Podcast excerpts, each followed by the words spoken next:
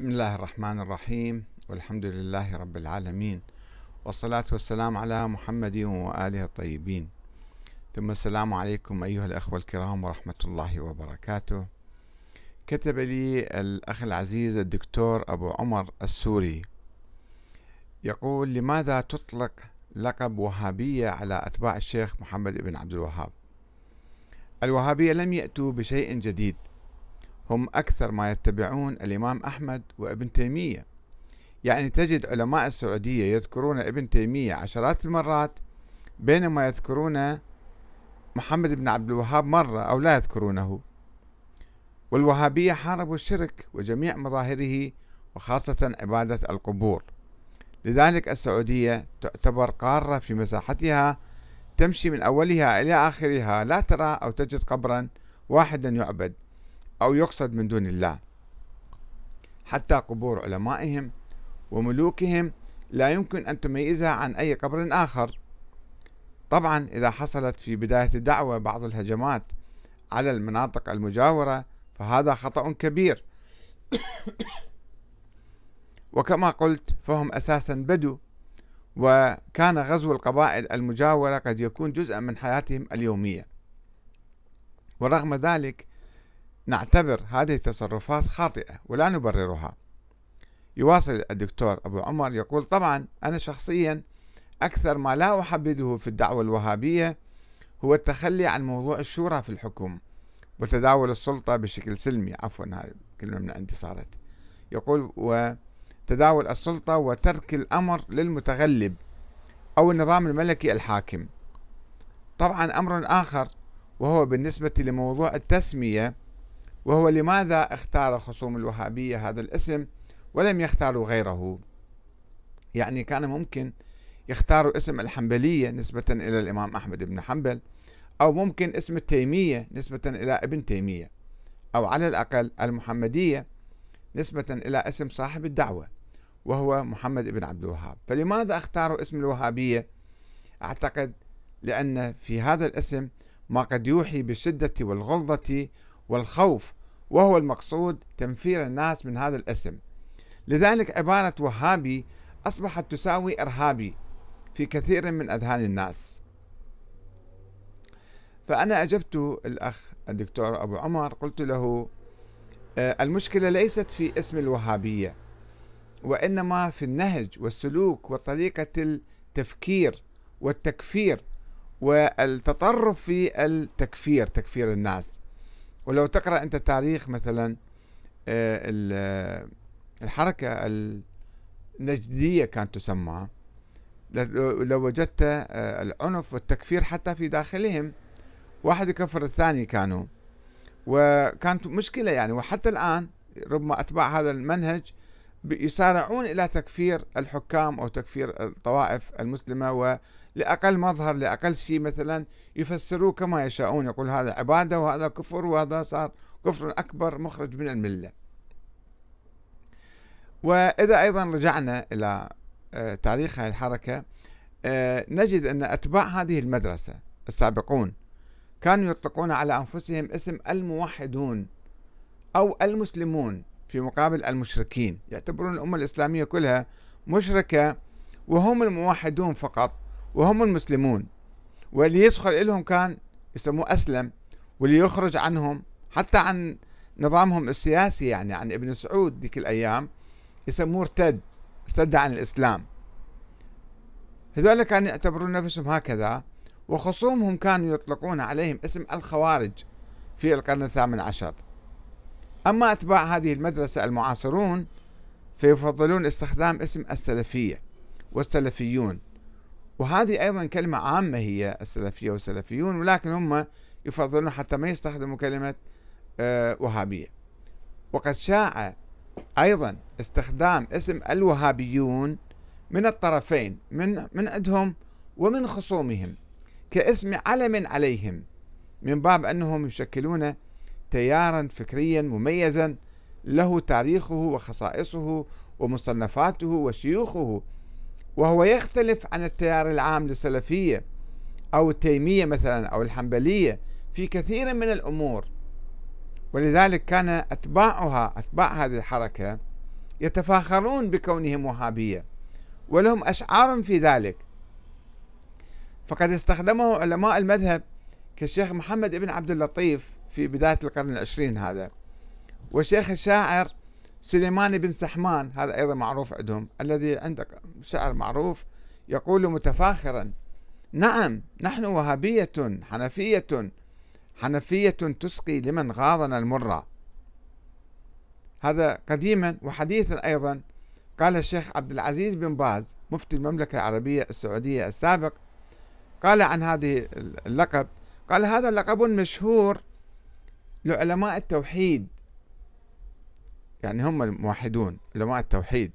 مو مو المسلمين كلهم لا هم اللقب علماء التوحيد علماء نجد ينسبونهم إلى الشيخ محمد الإمام محمد بن عبد الوهاب رحمة الله عليه لأنه دعا إلى الله عز وجل في النصف الثاني من القرن الثاني عشر الهجري واجتهد في إيضاح التوحيد وبيان الشرك للناس وصار أتباعه ومن دعا بدعوته ونشأ على هذه الدعوة في نجد يسمى بالوهابي. هذا اسم شاع عنهم.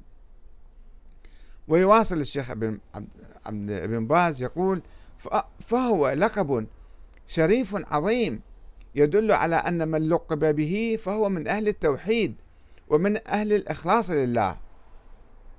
هذا معروف عنه. تكتب المقطع بالإنترنت يطلع لك.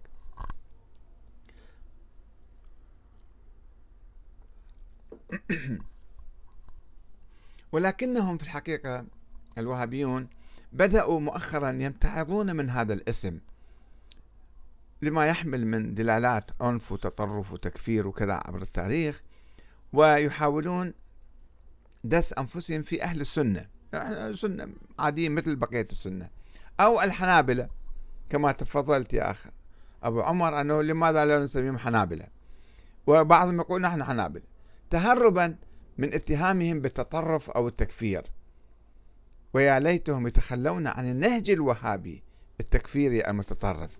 ويعود إلى تسامح أهل السنة. فالمشكلة ليست في الاسم وإنما في النهج والسلوك أي التطرف والعنف والتكفير. ورغم التزام الدولة السعودية بالفكر الوهابي منذ القرن الثامن عشر في الدول الثلاثة التي قامت أيام آه، محمد بن عبد الوهاب وفي القرن التاسع عشر وهاي الدولة اللي بداية القرن العشرين الدولة الثالثة تسمى. وتدريس هذا الفكر في المدارس والجامعات رغم التزام الدولة به إلا أنها تحاول منذ فترة طويلة التخلي عن اسم الوهابية الذي يقف عائقا أمام طموحها لقيادة العالم الإسلامي حيث تصر على أنها تنتمي للتراث الإسلامي السني العام ولا تتبنى مذهبا خاصا باسم الوهابية ولكن عمليا هي تدرس هذا المذهب تدرس أفكاره ومناهجه. وفي هذا المجال صرح الملك عبد العزيز بن سعود في 11 5 1929 هذه مشكلة بدأت يعني آه، تقف عقبة أمامهم يعني. فقال يسموننا بالوهابيين ويسمون مذهبنا الوهابي باعتبار أنه مذهب خاص. وهذا خطأ فاحش نشر عن الدعايات نشأ عن الدعايات الكاذبة التي كان يبثها أهل الأغراض. نحن لسنا أصحاب مذهب جديد أو عقيدة جديدة ولم يأتي محمد بن عبد الوهاب بالجديد فعقيدتنا هي عقيدة السلف الصالح التي جاءت في كتاب الله وسنة رسوله وما كان عليه السلف الصالح. طبعا هو يعني هو المشكلة في التأويل والتفسير والتطرف في التأويلات. حتى داعش كان يقول لا سمونا داعش ولا سمونا إحنا متطرفين إحنا سنة وإحنا آه، عقيدتنا على السلف الصالح. هذا الملك المؤسس للدولة الثالثة آه، عبد العزيز بن سعود. نجي على الملك فهد. في عام 1989 قال أيضا في تصريح صحفي أن الوهابية ليست مذهبا وأنهم ينعتون بالوهابية مدحا تارة وذما تارة أخرى في حين أن الشيخ محمد بن عبد الوهاب لم يقم إلا بالدعوة لتطهير العقيدة من البدع والضلالات. هاي كلها طبعا مزاعم وهكذا قال وزير الأوقاف والشؤون الإسلامية السعودي السابق الشيخ صالح ابن عبد العزيز آل الشيخ اللي هو من أحفاد محمد بن الوهاب يعني. بتاريخ 18 11 2001 يعني بعد غزوة داع غزوة القاعدة على آه، نيويورك في أمريكا 11 سبتمبر يعني. هذا بعده بأسبوع أو بعد بأيام 18 11 2001 يقول إن ما يدعونه لأن صارت ضجة أن هؤلاء الذين قاموا بهاي الهجمات في 11 سبتمبر هؤلاء مثلا سعوديون وهابيون وكذا. فهو وزير الأوقاف حاول أن يدافع وقال إن ما يدعونه بالوهابية ويزعمون أننا عليه هي منهج السلف وجوهر الدين وليس هناك داع لتسميتها بذلك. والبقية المسلمين ما يفهمون هذا المنهج ولا يفهمون هذا الجوهر الدين. وليس هناك داع لتسميتها بذلك لأنها ليست مذهبا جديدا. وأكد قائلا أنه ليس هناك مذهب اسمه الوهابية. وأن الشيخ محمد بن عبد الوهاب الذي ينسب إليه تأسيس هذه الحركة في القرن الثامن عشر لم يأتي بجديد بل أحيا مذهب السلف الذي يحرص على أن يكون الدين خالصا وخاليا من الشوائب والبدع. وعبر الشيخ صالح آل الشيخ عن أسفه لأن الوهابية تستخدم اليوم لوصف المملكة لكي يقال إنها دولة متشددة. لا ما شاء الله هي متسامحة وقمة في الحرية والديمقراطية. وفي نفس الوقت أكد الوزير على ضرورة التمسك بثوابت المملكة وعلى رأسها التزامنا بالدعوة السلفية التي تمنحنا فرصة الانطلاق إلى العالم باتزان وبرؤية ذات أفق واسع. وشدد على أن حفاظنا على المملكة إنما هو بالحفاظ والمحافظة على هذه الدعوة. وهذا الفهم السلفي للشريعة والعقيدة الإسلامية. يعني هناك آه، تزاوج في الحقيقة أو تخادم بين هذه الدعوة وهذه التفسيرات السلفية الوهابية وبين قيام المملكة العربية السعودية.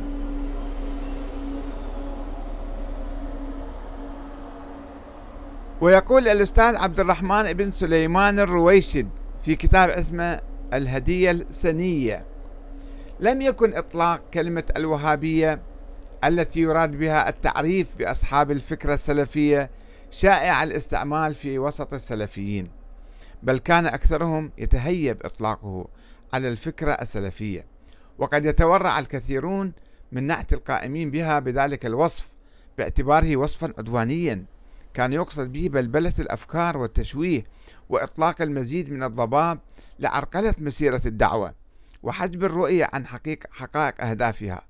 وبمرور الزمن تحول هذا اللقب بصورة تدريجية إلى مجرد لقب لا يحمل أي طابع للإحساس باستقرار المشاعر أو أي معنى من معاني الإساءة.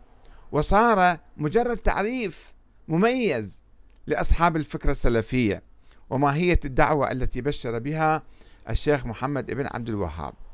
وأصبح هذا اللقب شائعا ورائجا بين الكتاب والمؤرخين الشرقيين والغربيين على حد سواء. هذا منذ القرن التاسع عشر بالحقيقة.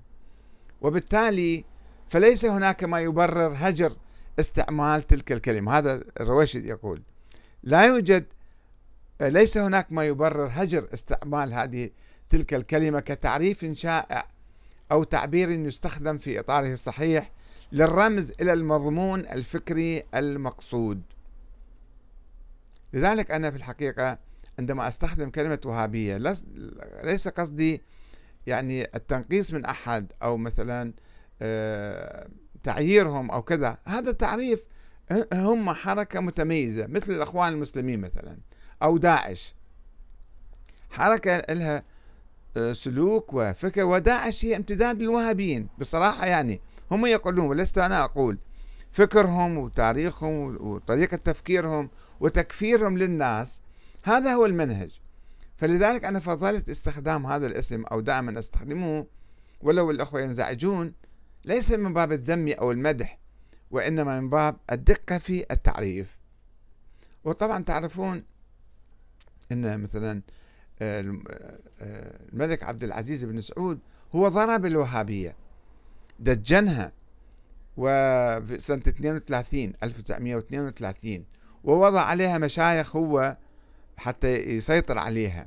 والآن كما سمعتم مؤخرا بأن ابن سلمان تخلى حتى عن المذهب السني وقام ينتقد البخاري ومسلم ويقول كل الأحاديث يجب أن نعيد النظر فيها. ولكنه طبعا في هذا الجانب ينتقد ولكنه يصر على ممارسة العنف في الداخل وقتل الناس بكل سهولة يعني حتى الشباب الصغار القصر.